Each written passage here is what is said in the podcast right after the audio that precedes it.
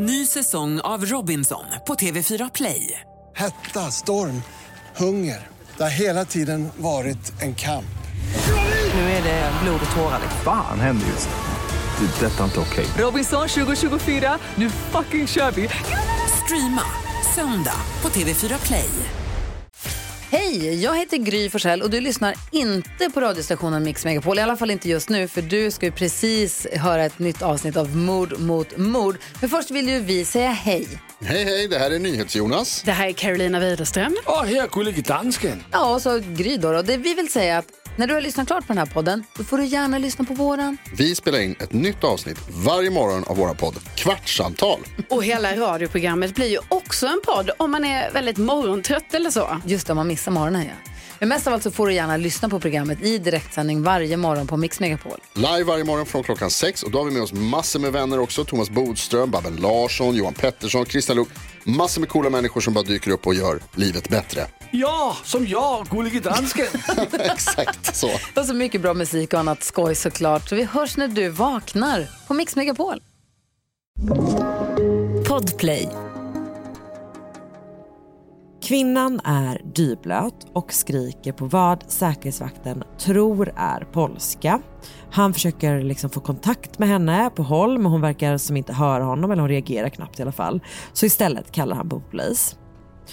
När polisen kommer till platsen förstår de snart att kvinnan heter Marta Herda och hon har kraschat sin bil ner från piren som liksom är en bra bit ut och utanför där så är vattnet både djupt och strömt. Alltså det är liksom en sån hamn som så ganska stora eh, fartyg kan typ köra in i. Och hon har väldigt mycket panik för att det fanns en till person i bilen.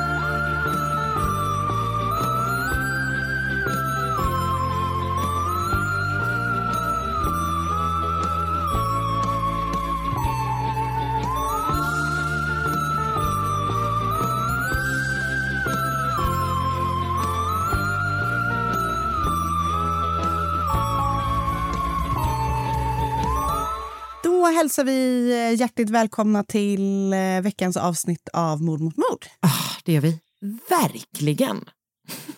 Och eh, våren är här med stora stormsteg och eh, har bara tagit mig med storm. Stormar mycket hos dig eller? ja, storm mitt liv. Jag, jag kände själv att jag skulle valt en. Och då säger jag att den har, den har tagit mig med storm. Ja, ja. Ja, ja, Fan vad mysigt det är. och, och så även mig. Jag vet, det är för jävla trevligt. Det är verkligen, det är för, för, det är för trevligt. Så är det ändå. Det är för trevligt. Det är verkligen det. Hur är läget? Ja men bra tycker jag. Vårvädret, Det- vårstormarna. Det är fint, det är väl vårstorm. Uh, jag tycker det är bra. Jag tycker det är fint. Jag har varit i eh, Göteborg i helgen. Gbg! Jag var på säga att jag, att jag alltid mår så bra när jag varit i Göteborg, men sen gjorde du sådär, så nu mår jag sämre igen. Och ändå är jag den enda du inte har någonting emot när jag härmar göteborgska. Ja, men, vet, det du måste komma ihåg är att göteborgare aldrig skulle säga gbg på det sättet. Eller? Jag Nej. tror jag har hört det. Av dig själv ja, i ditt eget huvud ja. Din inre göteborgare.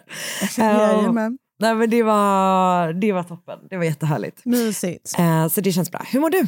Jag mår superbra. Alltså, verkligen. Gravid eller? Jajamän. Det vet du. Eh, men jag, det, vet du, jag ser väldigt mycket fram emot att vi ska ses den här veckan. Det var länge sedan vi sågs nu. Och eh, det ska bli väldigt mysigt. Ah, det ska bli så jävla mysigt. Vi ska spela in ett avsnitt tillsammans. Alltså på samma plats. Nu låter det som att vi Exakt. bara spelar in det var för sig och sen lägger vi ihop filerna vanligtvis. Det gör vi inte. Det, eh, det är svårt att tajma, men det, vi har lyckats lära oss. Men typ om man bara bygger upp en sån, du vet man hade nog kunnat bygga upp en bank med sådana saker som vi brukar säga. Att man bara nej, Ja, ja. ah, oh. Och sen så kan man bara, så har vi bara Pelle då eh, som klipper, han är bara en liksom, virtuos på att klippa in våra, Trollkarl. alltså han har verkligen lärt känna oss och våra reaktioner så han kan per, liksom, välja den perfekta reaktionen. Det du inte vet är att jag har en sån maskin här som jag har spelat in mig själv. Så att jag bara sitter och trycker på knappen. oh. Nej, men det ska bli underbart. Eh, Ja, det ska bli så jävla och, mysigt. ehm, det ska bli jättefint väder. Alltså, du vet, jag bara känner att eh, det är fan härligt. Mysigt Livet. eh, med vår. Ja, jag tror menar med livet, men också Ja. ja, båda två. Mm.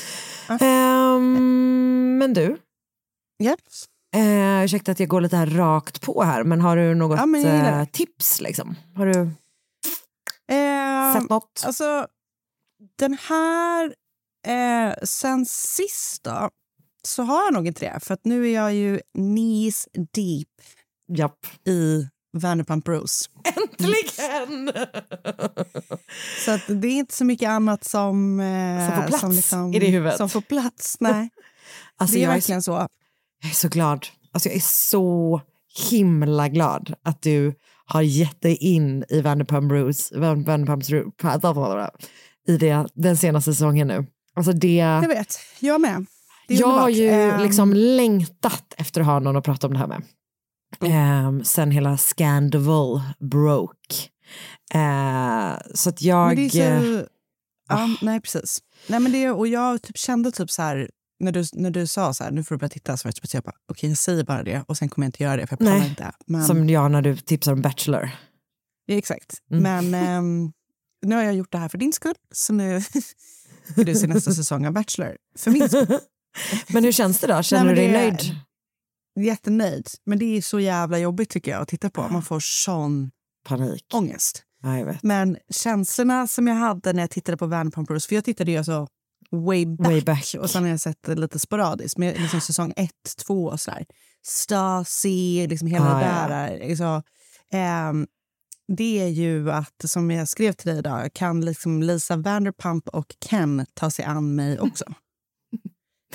Alltså, jag vill mm. eh, typ bo i Villa Rosa hemma hos dem. Så, som han, kommer du ihåg vad heter han? Ja. Som, Så vad fan hette han? eh, Han som blev ovän, Derek, som blev kompis nej. med Br- Brandy Ja. sen.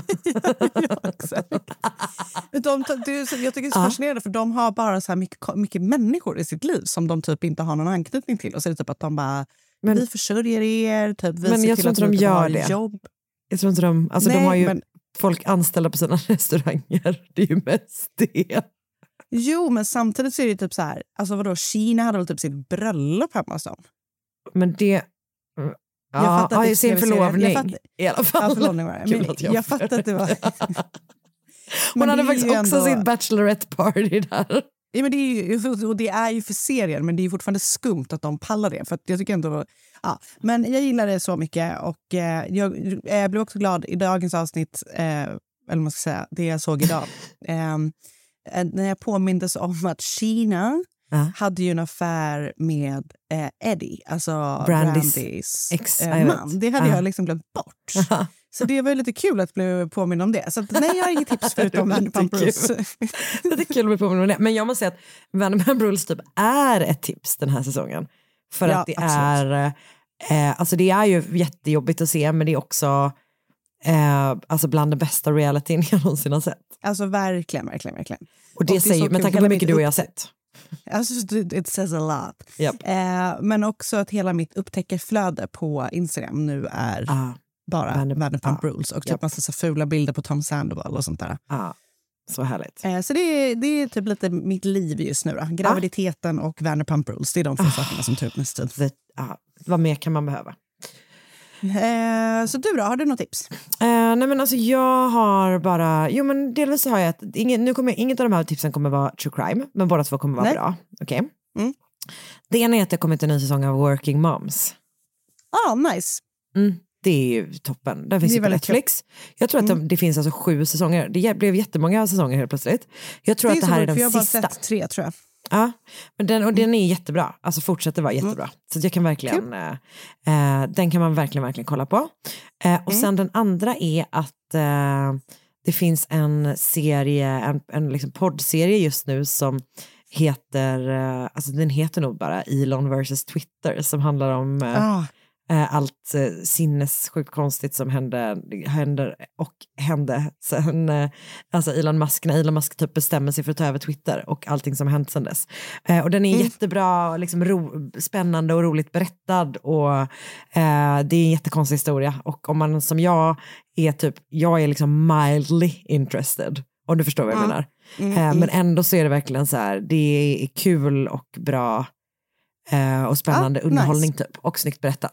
Så den kan jag ändå, det är de här business wars, inte kanske en podd jag lyssnar på varje dag. Men, men, men det var de som gjorde, jag tror att jag tidigare tipsat om eh, när de gjorde eh, Christmas Movie Wars som handlar Just om det, två just det, just det, just det, det. Också, det är samma liksom gobbe. Nice. Så att, eh, den tips. eh, tycker jag ändå att man kan lyssna på. Eh, men som sagt, ingenting av det var ju true crime. Eh, så att, Nej, men det eh, vi kanske inte. får göra den här podden true crime nu då. Ja, let's get to it. Let's get to it. Ny säsong av Robinson på TV4 Play. Hetta, storm, hunger. Det har hela tiden varit en kamp. Nu är det blod och tårar. Fan händer just nu. Det. är Detta är inte okej. Robinson 2024, nu fucking kör vi! Streama söndag på TV4 Play. Ett poddtips från Podplay. I fallen jag aldrig glömmer djupdyker Hasse Aro i arbetet bakom några av Sveriges mest uppseendeväckande brottsutredningar. Går vi in med hemlig telefonavlyssning och, och då upplever vi att vi får en total förändring av hans beteende. Vad är det som händer nu? Vem är det som läcker? Och så säger han att jag är kriminell, jag har varit kriminell i hela mitt liv men att mörda ett barn, där går min gräns. Nya säsongen av Fallen jag aldrig glömmer på Podplay.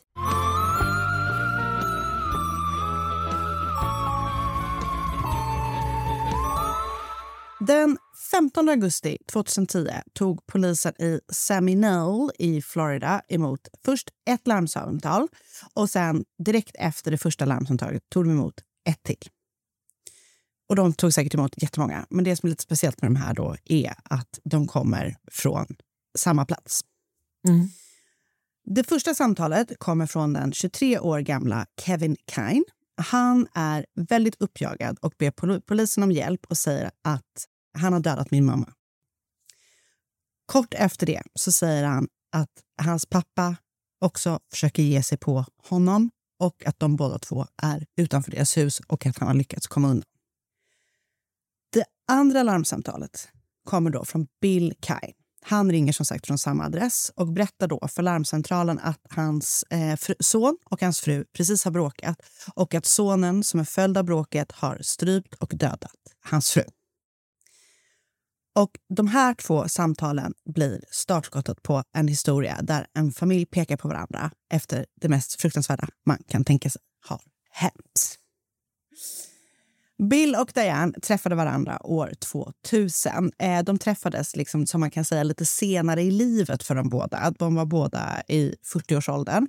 Och Bill hade redan varit gift men blivit änka ganska hastigt. Och, eh, han hade med sin första fru flera vuxna barn men han längtade liksom efter att uppleva kärleken igen.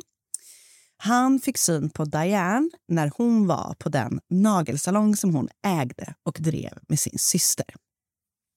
Han blev genast intresserad av henne när han fick syn på henne. Bara av liksom att så här, alltså han såg henne genom rutan typ och tyckte att hon Mm. var skitsnygg. Och han har beskrivit henne precis som hans typ. Mm. Och eh, hon är verkligen ett blont bombnedslag. Eh, och för att få eh, anledning att prata med det här blonda bombnedslaget så bad han en av hans döttrar att boka en tid hos henne för att gå och göra naglarna. Oj, härligt. Väldigt liksom Dedicated. initiativrikt. Ja. Ja, verkligen. Och det var... Eh, liksom, och de gick dit några gånger liksom och pratade och det var då eh, ett uttryck som jag tycker om att använda. Sparks were flying mellan dem. Ja. Och eh, Diane hade eh, inte haft liksom superrak väg eller man ska säga, när det kom till relationer i hennes liv. Eh, hon har då inte varit gift utan varit i en del relationer som inte var särskilt bra för henne. Eh, hon hade en son från en av de här relationerna som var 13 år gammal när Bill och Diane träffades. Mm. Eh, och De är jättenära, liksom, mor och son, eh, men han verkar inte ha någon så särskild kontakt alls med sin pappa. Och även då sonen, Kevin, blir jätteförtjust i Bill och han är så superlycklig att hans mamma äntligen har träffat en man som var snäll och som behandlade både henne och Mm. honom bra. Mm. Eh, så Bill och Diane börjar dejta och ganska liksom, snabbt går allting. Och De gifter sig efter två år. Eh, och eh, Diane och Kevin, som är då 15 år gammal, flyttar in i Bills hus. Och Jag vet inte om Bills barn bor hemma Är också. där. Nej, men Nej. han, liksom, de- blir väldigt så här, de flyttar in där och, och det, liksom, alla tycker om varandra. Det känns väldigt så här, okomplicerat. Typ. Och eh, Diane blir då Diane Kane. Eftersom hon, de gifter sig så tar hon hans namn. Och även Kevin då, som tycker så mycket om sin mammas nya man, vill dela efternamn med honom. Så han byter också namn och blir då Kevin Kane. Så att de liksom är så här, en familj verkligen. Och det verkar liksom vara så här ganska friktionsfritt. Du vet, eller det är väl så här vanlig, helt vanlig familjeliv typ. Fram till då den 15 augusti 2010 då polisen tar emot två larmsamtal från familjen Kynes hus. Och grannarna får också se, har också fått se då Kevin och Bill brottas och bråka på gräsmattan utanför deras hus. Kevin är då 23 år gammal. Så polisen rycker såklart ut och där hittar de Diane avliden i hennes och Bills sovrum i deras säng. Eh, det ska visa sig att hon har blivit strypt eller har kvävts till döds. Och eh, Det har liksom bara varit hon, Bill och Kevin i huset. Kevin då säger att det var hans styvpappa Bill som har dödat hans mamma och Bill säger då att det var hennes egna son Kevin som har gjort det. De pekar helt enkelt på varandra direkt från liksom Ah. start. Och det måste vara någon av dem, som sagt, för att det har bara varit de där hemma. Kevin berättar en historia. Han berättar att han har legat, eller han berättar sin version ska jag säga. Eh, och han berättar då att han har legat och vilat på soffan när Bill har eh, kommit in och sagt att Diane vill prata med honom. Och eh, när han då har gått mot mammans och Bills sovrum där Bill då hävdar att Diane var så har han, du vet så här, eller han har typ öppnat dörren till sovrummet och direkt då har Bill tagit struptag kring eh, Kevins hals bakifrån och försökt kväva honom. Och sen har de så bråkat ganska intensivt och på något vis lyckats komma ut ur huset och där har de fortsatt bråka på gräsmattan inför alla grannar. Eh, och till slut har då Kevin lyckats ta sig loss och larma polisen. Och det är då det första larmsamtalet som kommer in till polisen. Det är så Kevin säger att det går till. Bill då, å andra sidan, hävdar att han har kommit in i hans och Dianes sovrum. Och när han klivit in så har han sett Kevin stå över Diane i sängen i full fart med att typ attackera henne, liksom strypa Ja. henne. Eller du vet, så här. Han säger då att när han har sett det här så har han tagit eh, ett struptag kring Kevins hals för att få ut honom från sovrummet och bort från Diane. Ja. Och sen berättar han då att så här, Kevin har precis, eller vet, lyckats typ så här, när de har slutat, de, Kevin lyckas typ ta sig fri från Bill. Eh, precis som Kevin säger, fast liksom, de, ja, ja. Och då har han ringt till polisen. Mm. Så det är liksom så här, eh, a puzzling situation kan man säga. Och polisen kan konstatera att bådas berättelser liksom inte helt adds up. Eh, Varken med verkligen. varandras såklart, men inte heller med deras egna. För det finns liksom luckor i berättelserna. För de ändrar sig från, liksom, från första larmsamtalet tills eh, till deras initiala berättelser till vidare förhör så ändrar sig eh, liksom historien lite grann. Eh, Kevin säger till exempel att han inte varit inne i mammans och Bills sovrum och sen så säger han att han har varit det. Eh, och du vet sådär. Så det, det händer saker helt enkelt i historierna under tidens gång. Och larmpersonalen som kommer till platsen eh, först och som gick igenom brottsplatsen kunde konstatera att Diane liksom var helt kall när de kom till platsen vilket tyder på då att det har gått en stund mellan det att hon mördats och att de kom till platsen. Så det verkar liksom inte varit så... Ja, här- nu, blir de, alltså, nu dör hon. Och sen så är de ute och bråkar bråkar de. och så ringer de. liksom. Exakt. De kan också hitta på brottsplatsen, alltså i sovrummet, eh, några droppar blod i sovrummet. Dels är det på överkastet och dels är det på Dianes kropp. Alltså pytte, pyttesmå droppar och det är typ fem stycken. Eh, de hittar också ett par Birken eh, i sovrummet och ett par glasögon. Eh, de hittar lite olika DNA på brottsplatsen. Och de här testerna testas då liksom mot Diane för att se vad som är hennes, mot Bill och vad- mot Kevin. Ah, Och det är ju inte konstigt egentligen att allas DNA finns där för att de bor det är deras hem liksom. i huset. Liksom. Ah. Men det här blodet då som hittas i sovrummet visar sig tillhöra Kevin och även de här Birkenstock-skorna och glasögonen visar sig tillhöra Kevin. Mm. Så han har ju helt klart varit inne i sovrummet fast han själv sa från början att han inte hade varit det. Och Bill berättar då för polisen att Kevin, som ju nu var vuxen, 23 år gammal, eh, fort, som fort, men fortfarande bodde hemma då, hade blivit allt mer ut, otrevlig och utåtagerande mot både sin mamma och mot Bill. Och det känns typ som att det nästan var som en sån, du vet, i Step Brothers, fast mycket värre. Du vet. eh, Just det. Eh, Meatloaf, han är så här superbortskämd och mamman typ servar honom och Ja. han är så helt otacksam. Och eh, de har typ så här, sagt typ så här, du måste flytta. Han har typ svårt att behålla jobb. Alltså han verkar vara ganska oduglig. Typ, Ja. Att han vet, så här, verkligen förlitar sig på att han ska bli omhändertagen av sin mamma och hennes man, vilket han också blir.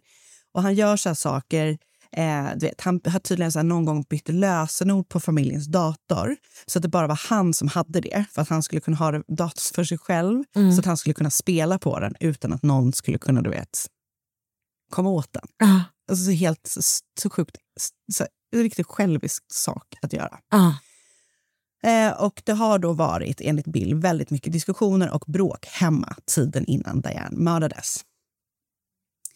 Det var också så då att Di- Diane och Bill hade tröttnat så pass mycket på att ha den här vuxna personen utan jobb hemma hos dem hela tiden. Så de hade bara dagar innan Diane mördades liksom gett honom ett nytt ultimatum. Så här, du måste flytta det här datumet.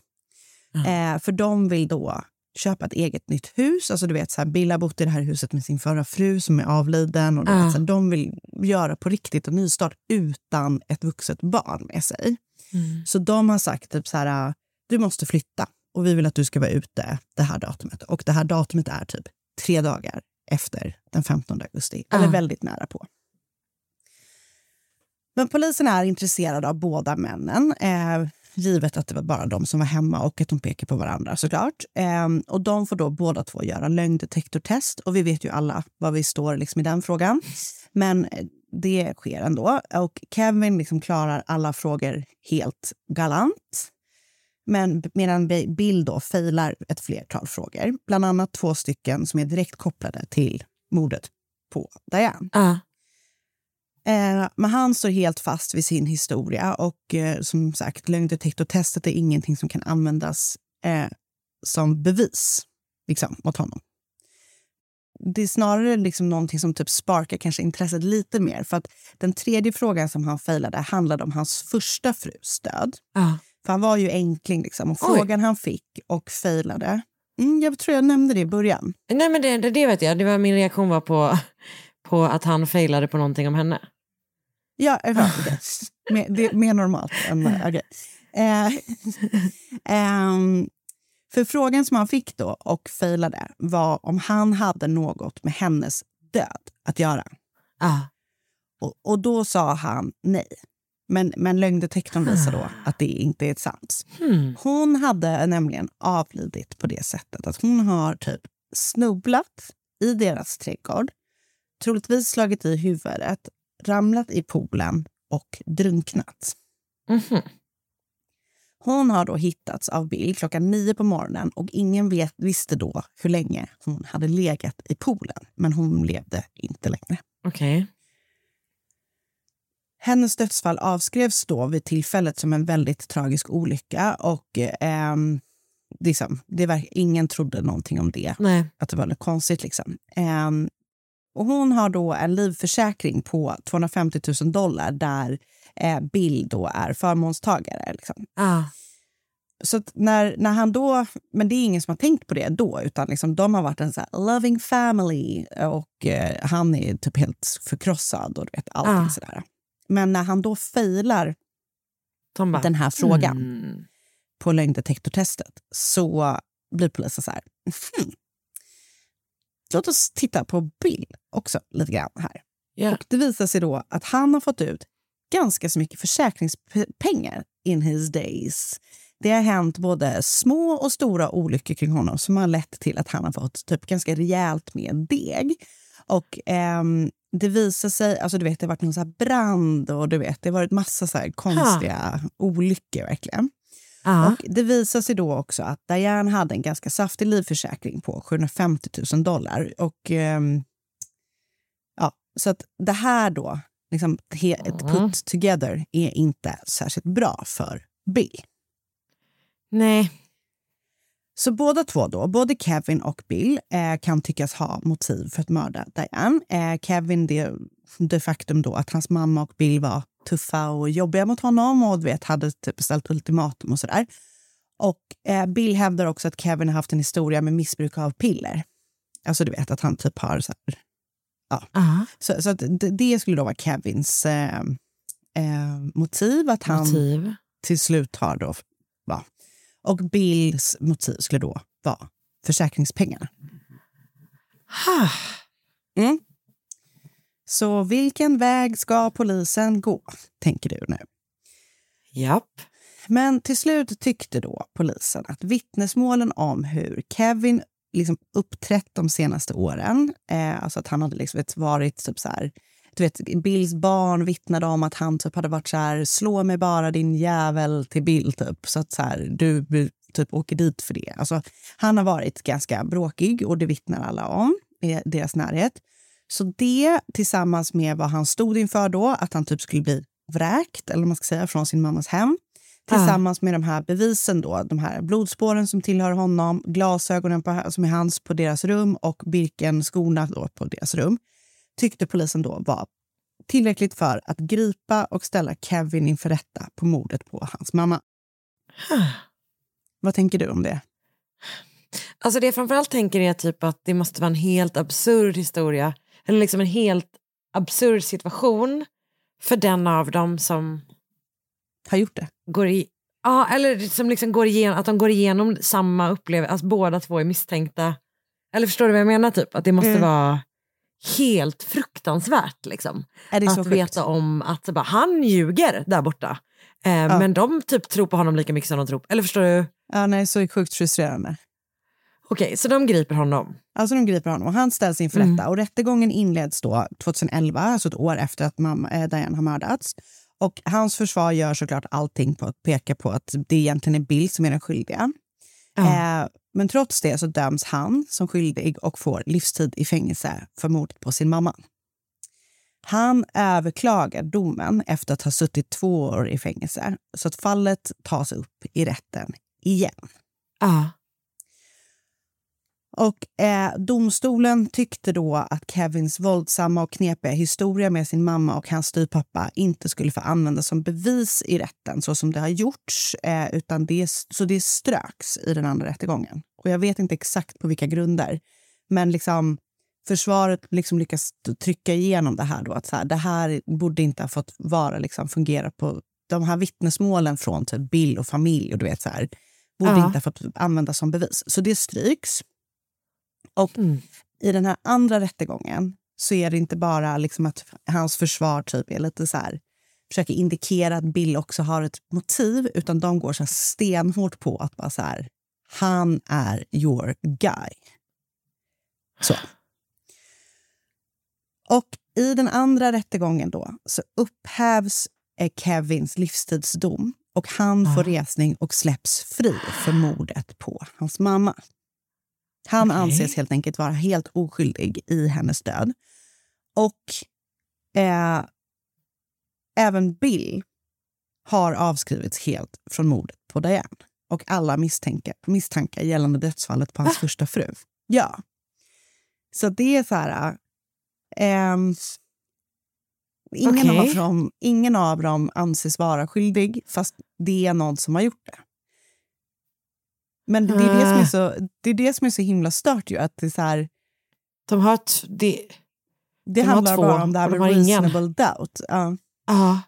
Så de kan liksom inte döma någon av dem för att det är inte vattentätt mot någon av dem. Men gud. Men båda två förnekar ju självklart att de är liksom den som är skyldig. Ja. Fan. Så stört. Och både Bill och Kevin har varit liksom i kontakt med polisen efter det här. Och Bill har varit det för att han har kört sin motorcykel in i en grupp av cyklister så att en Oj. skadades liksom så pass mycket att hen fick tas in till sjukhus. Och han har då lämnat platsen efter det här. Så att han har liksom varit Mm. i kontakt med polisen för någon slags hit and run. Eh, utan dödlig utgång, men ändå typ lika, minst lika illa. Eller Ehm, fruktansvärt ju. Alltså så jäkla sjukt. Och Kevin har typ, eh, varit i kontakt med polisen på grund av någon slags misshandel där han, som han var en del av på typ en bar eller någonting. Men liksom, faktum kvarstår att Diane mördades i familjens hem den 15 augusti 2010 och att det bara var de här tre hemma. Men vem som faktiskt är den skyldiga eh, fortsätter vara okänt än idag. Bara liksom att så här, man vet att en av dem gjorde det, men ingen av dem kommer för att få ta straffet för det. Jävlar! Alltså hur sjukt? Men förstår du då att just att så här, det måste vara en sån enormt obehaglig upplevelse att Ja. veta att liksom den andra, han bara ljuger. Eller, alltså, Ja. En Alltså, av dem går ju... verkligen.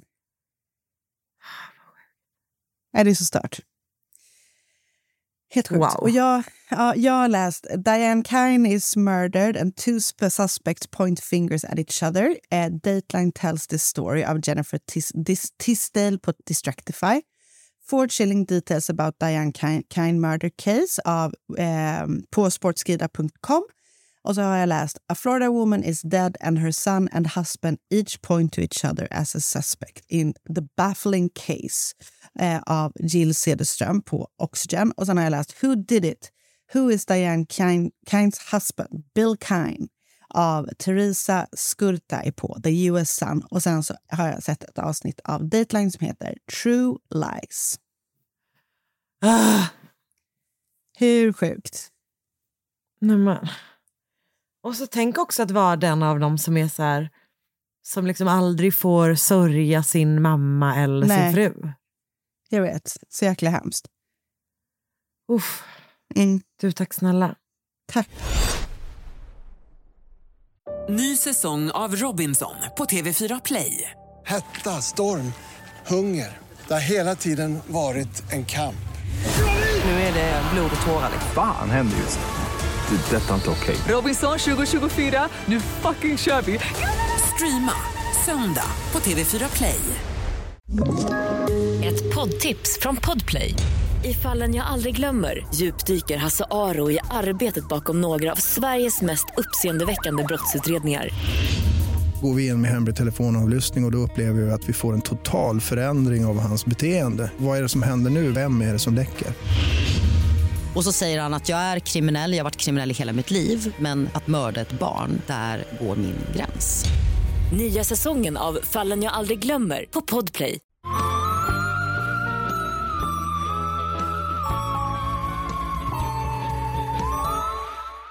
Morgonen den 26 mars 2013 går en säkerhetsvakt på sin vanliga runda i en fabrik i Arklows hamn drygt en timme söder om Dublin på Irland. Klockan är ungefär 20 i sex då på morgonen när han påbörjar rundan och allt är till en början lugnt och stilla som vanligt. Men så har han en bil som kör i riktigt hög hastighet i närheten. Och när han typ kommer ner till hamnområdet så förväntar han sig att han ska, liksom ska se en bil parkerad där eh, För att han tycker att det har låtit som att den har kört dit då. Eh, Men han gör inte det och så går han vidare. Men efter ett litet tag så hör han något annat som blir starkare och starkare tills han då inser vad det är. Det är en kvinna som skriker i liksom fullständig panik. Okej. Kvinnan är dyblöt och skriker på vad säkerhetsvakten tror är polska. Han försöker liksom få kontakt med henne på håll men hon verkar som inte höra honom eller hon reagerar knappt i alla fall. Så istället kallar han på polis. När polisen kommer till platsen förstår de snart att kvinnan heter Marta Herda och hon har kraschat sin bil ner från piren som liksom är, leder en bra bit ut och utanför där så är vattnet både djupt och strömt. Alltså det är liksom en sån hamn som så här ganska stora eh, fartyg kan typ köra in i. Så att hon har kört av piren och ner i vattnet där ute och hon har eh, alltså panik, förståeligt nog, men hon har också Ja, väldigt mycket panik för att det fanns en till person i bilen. Mhm.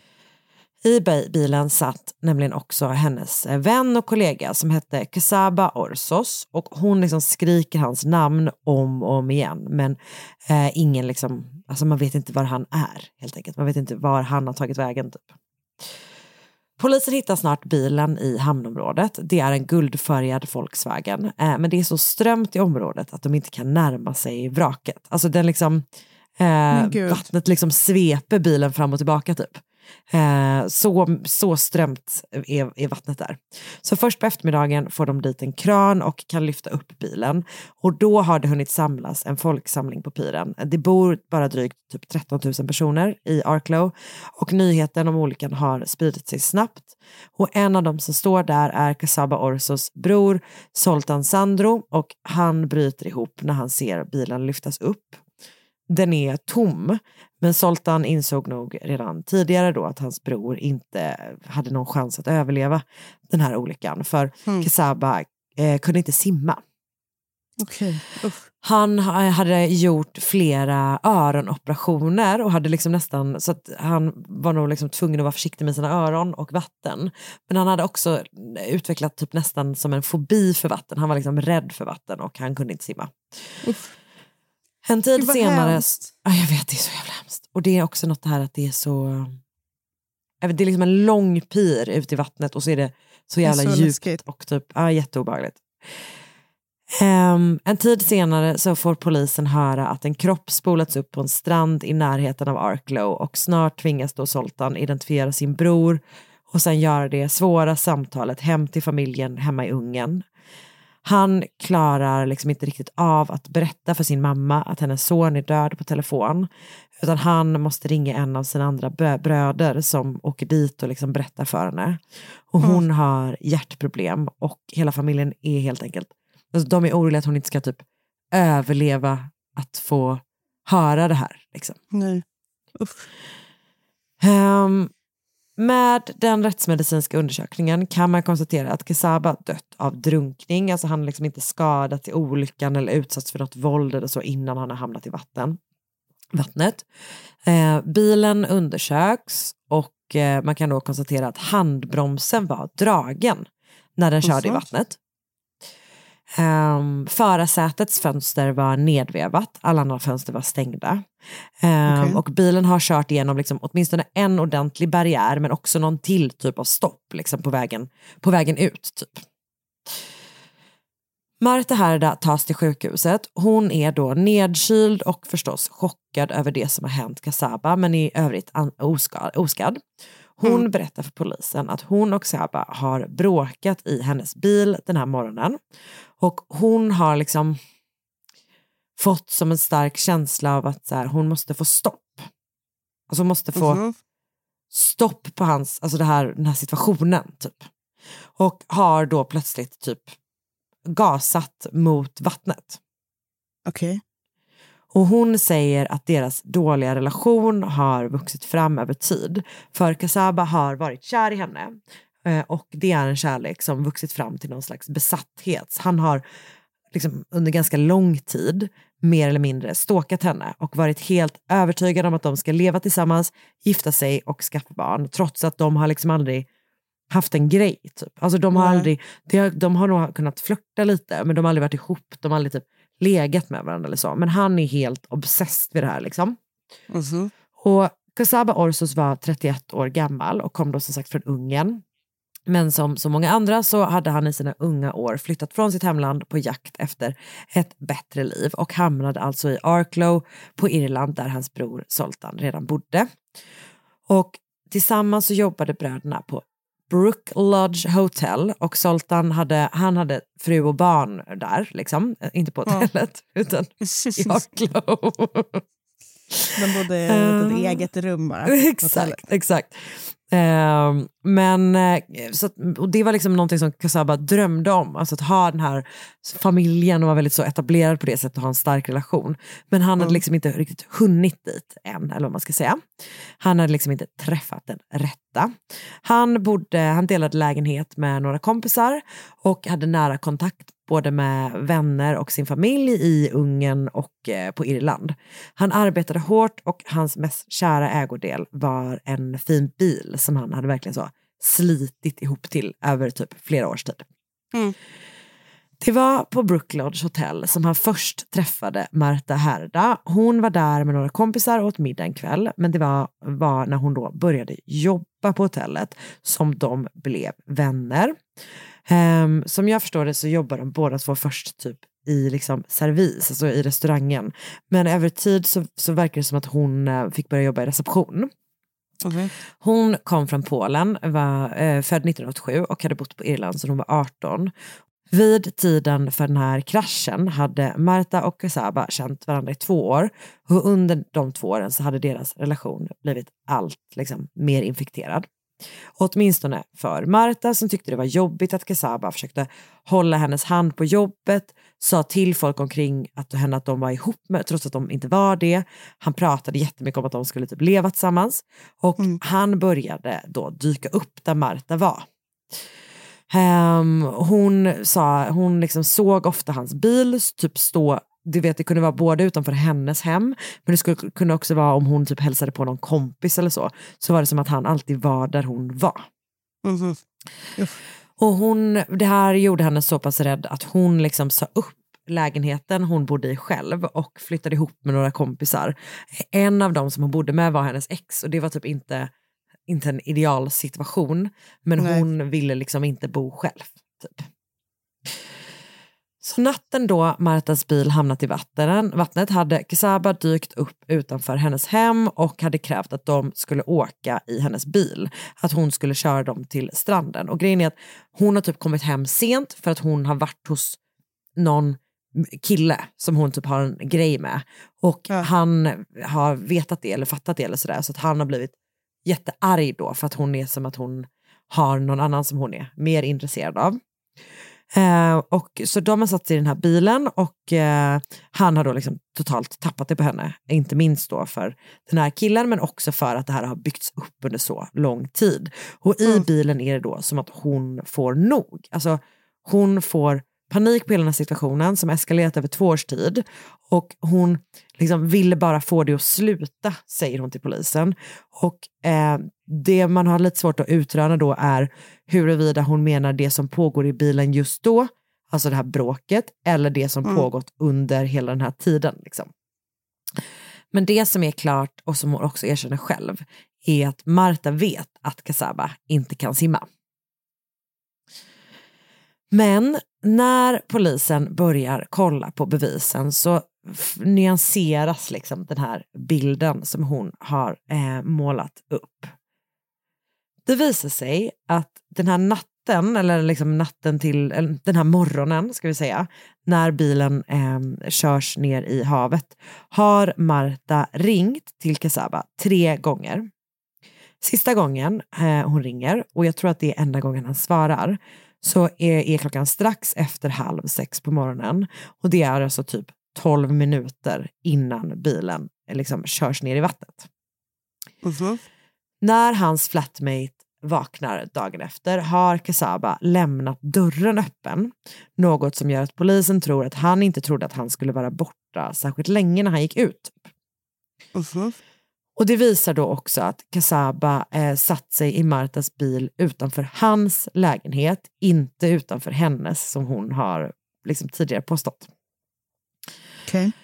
Så hon ljuger om varför de är tillsammans den här kvällen, en liksom upprinnelsen till varför de är på samma plats. Det är uppenbarligen hon som har tagit kontakt med honom och antagligen fått honom att då gå upp ur sin säng och ut för att möta henne. Och ehm, när hon konfronteras med de bevisen så här, du har ju ringt honom typ. Han verkar, du verkar ju ha plockat upp honom utanför, utanför hans lägenhet. Så säger hon att hon inte minns det. Liksom. Hon minns inte hur det kommer sig att han är i hennes bil den här morgonen. Okej. Folk runt Kesaba säger att han absolut var kär i Marta, alltså att han var typ ganska heartbroken över att hon inte verkade lika intresserad av honom. Och hans bror Soltan som har först uppmuntrat Kesaba att liksom pursue Marta då. Han säger efter ett tag till honom att så här, du borde inte ödsla din tid på henne för att hon leker bara med dig. Liksom. Han typ upplevde att hon då var ganska flörtig mot sin bror, eh, mot hans bror, inte mot sin bror. Ja. det vet jag ingenting om. Kan lätt bli fel, ja. Ehm, nej att hon liksom var flörtig mot honom. Eh, det här är hans upplevelse då, liksom, att han, hon, hon eh, var leading him on helt enkelt och sen ändå inte var det minsta intresserad av att typ vara ihop med honom. Liksom. Så Nej. brorsan säger till eh, Kasaba att så här, skit i henne typ, du måste gå vidare, det här kommer inte bli någonting. Det finns också de som säger att Kasaba hade börjat liksom faktiskt börjat gå vidare från Marta eh, vid tiden för hans död. Då. Eh, det man vet är att de har rätt mycket kontakt innan den här morgonen. De utbyter på liksom, samtal och sms, vilket också bryter mot, för Marta har sagt att de inte haft någon kontakt alls på tre månader. typ. Och sen kan man ändå se att det liksom är ganska mycket typ sms och samtal. Och så. Mm. Polisen jobbar på med sin utredning. De funderar på vad som egentligen, alltså vad det egentligen var som hände helt enkelt. Mm. Ehm, var det, ehm, alltså, är det liksom ett överlagt mord? Eller är det att Marta typ, ehm, alltså du vet, får ett konstigt infall och typ tappar kontrollen över sig själv, vad man ska säga. Mm. Ehm, och man funderar då kring att hon har tunna kläder på sig vid kraschen trots att det är mars och det är snöigt. Eh, vilket ju är konstigt liksom. Eh, hon har också, eh, det är så här, hon har ju då uppenbarligen, är ju eh, hen, rutan på hennes sida, sida nedvevad. Hon erkänner också att hon vet om att, det, att hon, har, alltså hon, hon får ett, hon bara, jag, jag har läst någonstans att det inte går att öppna en bildörr när man är under vatten typ. Nej, alltså, Eh, ah, jag vet inte, det är så det, är med, det är faktiskt en av mina absolut Mm. största mardrömmar att hamna med bil i vatten. Alltså, Mm. Fy fan den paniken. Ja, nej, och det här är en person som är jätterädd för vatten Nej, redan, alltså det, jag och kan inte ens- kan simma. Liksom. Nej, det är Nej, det är fruktansvärt. fan. Mm. Ehm, man funderar också då kring att det finns märken från handbromsen på piren men inget som tyder på att hon försökt använda bromspedalen för att få stopp på bilen. Så att därför tänker man att så här, han kan ha dragit handbromsen. Liksom. Men å andra sidan, så här, vem vågar köra överlagt rakt ut i djupt strömt iskallt vatten? Nej. Alltså det, Det är ju också liksom helt beyond typ. Mm. Eh, hur man skulle kunna våga det helt enkelt. Nej. Det tar drygt ett och ett halvt år, men i oktober 2014 grips Marta till slut misstänkt för mordet på Quesaba Orsos. Och rättegången kommer bli, alltså, det är väldigt otydligt. helt enkelt. Okej. Jag har lyssnat på liksom, två olika sammanfattningar om allt som händer, men det är fortfarande typ det är liksom ett jätte, jätte oklart händelseförlopp och det är ganska oklart liksom vad det är som man re eller det är väl helt enkelt så här, är hon typ en cold-blooded killer eller är hon, inte självförsvar skulle man kanske inte kunna säga att det är, men är det liksom att det, det kokar över och hon har varit utsatt för en extrem press av den här mannen. Ja. Eh, det är liksom, det finns ju bevis som tyder på att hon har uppenbarligen tagit steg för att han ska sitta i den här bilen. Liksom. Mm. Lite olika saker som händer under rättegången. Man får se en video från Kusabas senaste födelsedag där Marta sitter bredvid honom och typ skojar med honom. Och han säger att hon är hans present. typ. Jaha. Ehm, och hon, det verkar som att hon är på hans födelsedag också för att hon har kommit dit för att varna honom för att typ deras gemensamma chef kände till att han ehm, hade eh, sjukanmält sig när han inte var sjuk. Så uppenbarligen har de liksom ganska så kärvänlig kontakt då, syftar man, menar man väl. Um, försöker man vis- visa med det då. Ehm, det finns ett, man ehm, visar upp ett kärleksbrev från Kusaba där han säger så här, vi kommer leva tillsammans för alltid, jag tänker på dig varje sekund, alltså verkligen så här väldigt, väldigt stora ord då. Ehm, och sen som sagt så finns det den här tanken om att Kesaba kan ha varit den som drog handbromsen i bilen. Ehm, killen som Marta var med kvällen innan Kesaba dog, eh, de hade då druckit tillsammans innan han körde hem henne i hennes bil. Ehm, han vittnar. Och han vittnar om att hon ville att han skulle ta hennes bil tillbaka hem till sig. Mhm. Alltså att hon, han hade kört och lämnat henne hemma hos henne med hennes bil och hon tyckte att han skulle ta samma bil tillbaka hem så att han inte skulle gå hem. Liksom. Okej. Och Det skulle ju då kunna tyda på att hon inte hade planerat att mörda Kesaba den här morgonen för att då hade hon ju inte haft sin bil. Nej, just det. Um, sjukvårdspersonalen som tog hand om Marta efter kraschen berättar om olika saker som hon sa då. Allt från typ han borde inte ha varit där till jag gav honom ingen chans. Alltså det är liksom väldigt oklara statements åt olika håll.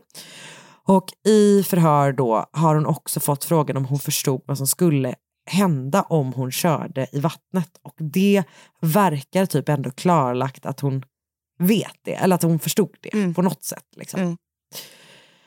Martas advokat säger att hon hade kunnat dömas för typ så vårdslöshet i trafik med dödlig utgång, typ. Alltså ungefär en, liksom en dom åt det hållet. Eh, alltså att så här, det här bråket har eskalerat och hon har liksom bara gasat iväg, typ, nu tappat kontrollen och liksom bara gasat iväg. Eh, men det är inte en dom som åklagaren yrkat på. Alltså den typen av dom finns inte med, utan det juryn kan välja mellan är mord, eh, dråp eller att eh, frige Marta. Okej.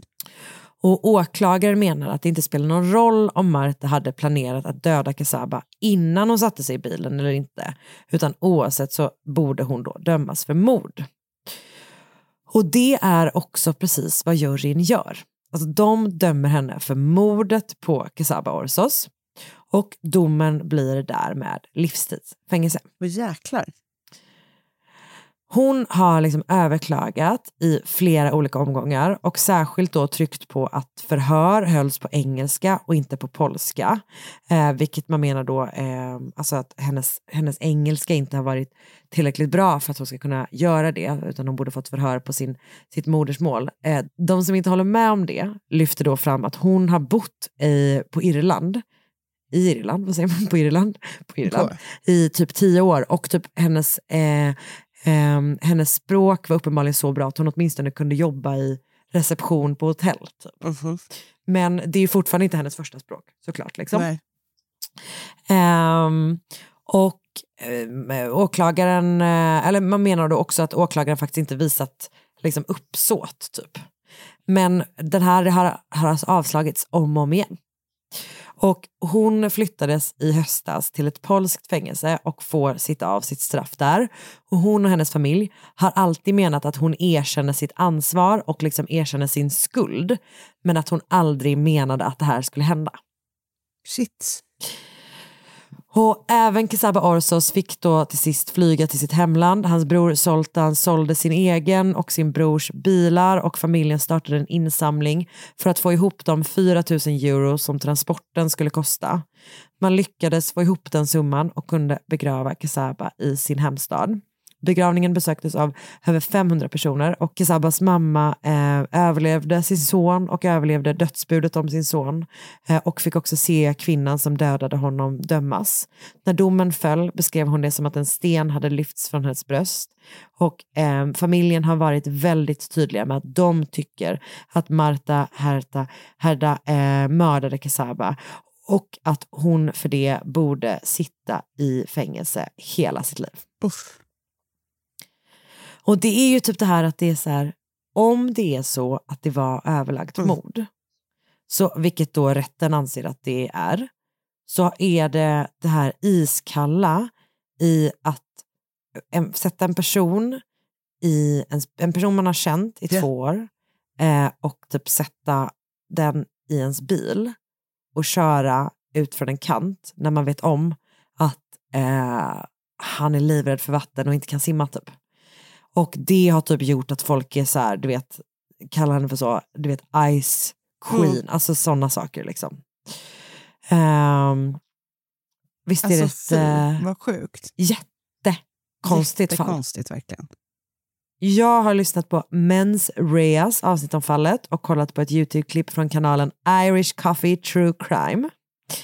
Jag har läst massor av nyhetsartiklar på The Irish Times, The Independent och på Sunday World. Men om man liksom vill ha en ordentlig genomgång av det här fallet och typ höra om så här sen vittnar de här personerna och de sa så här och så här så kan jag ändå reko- liksom verkligen rekommendera den här Mens Rea fallet, eller podden för att den är, Nice. den är in-depth eh, och det är eh, till många turer. En väldigt konstig tur Jaha. som är, eh, är Eh, inte direkt eh, eh, gynnade då hennes rykte är att polisen får vykort under den här, det dröjer ju då ett och ett halvt år innan hon grips, så under sommaren efter att Kasaba har dött så får de vykort från Polen, eh, där, eller om det är sommaren efter, där det står typ så här "Oh, I hope you find your killer. Typ. Och att man eh, DNA-testar liksom de frimärkena och kommer fram till att eh, det är hon som har skickat dem. Va? Ja. Gud vad skumt. Väldigt. Man vet ju, jag bara, jag vet liksom inte vad det betyder men jag tycker inte om det oavsett. Nej. Ehm, det var i alla fall eh, då mordet på Casaba Orsos i Arklow. Ja, väldigt konstigt. Tack Karin. Riktigt jävla konstigt. Tack själv ska du ha. Ehm, och tack även till er som har lyssnat. Ja, men exakt. Det var allt för den här veckan. Mm. Vi eh, hörs nästa vecka. Ja men eh, är det så att vi kommer ha börjat, nej inte nästa vecka. Nästa vecka blir också ett, eh, vi får se lite grann om det är förinspelat. me. Vi vet inte riktigt. Asking Eh, me who the beep, beep, beep knows. Who knows? Men det ni kan räkna med är att det kommer ett avsnitt. Det kan ni räkna med. Det kan ni verkligen räkna med. Ha det bra tills dess. Hej då! Podplay. Ny säsong av Robinson på TV4 Play. Hetta, storm, hunger. Det har hela tiden varit en kamp. Nu är det blod och tårar. Fan händer just nu. Det. är Detta är inte okej. Robinson 2024, nu fucking kör vi! Streama söndag på TV4 Play.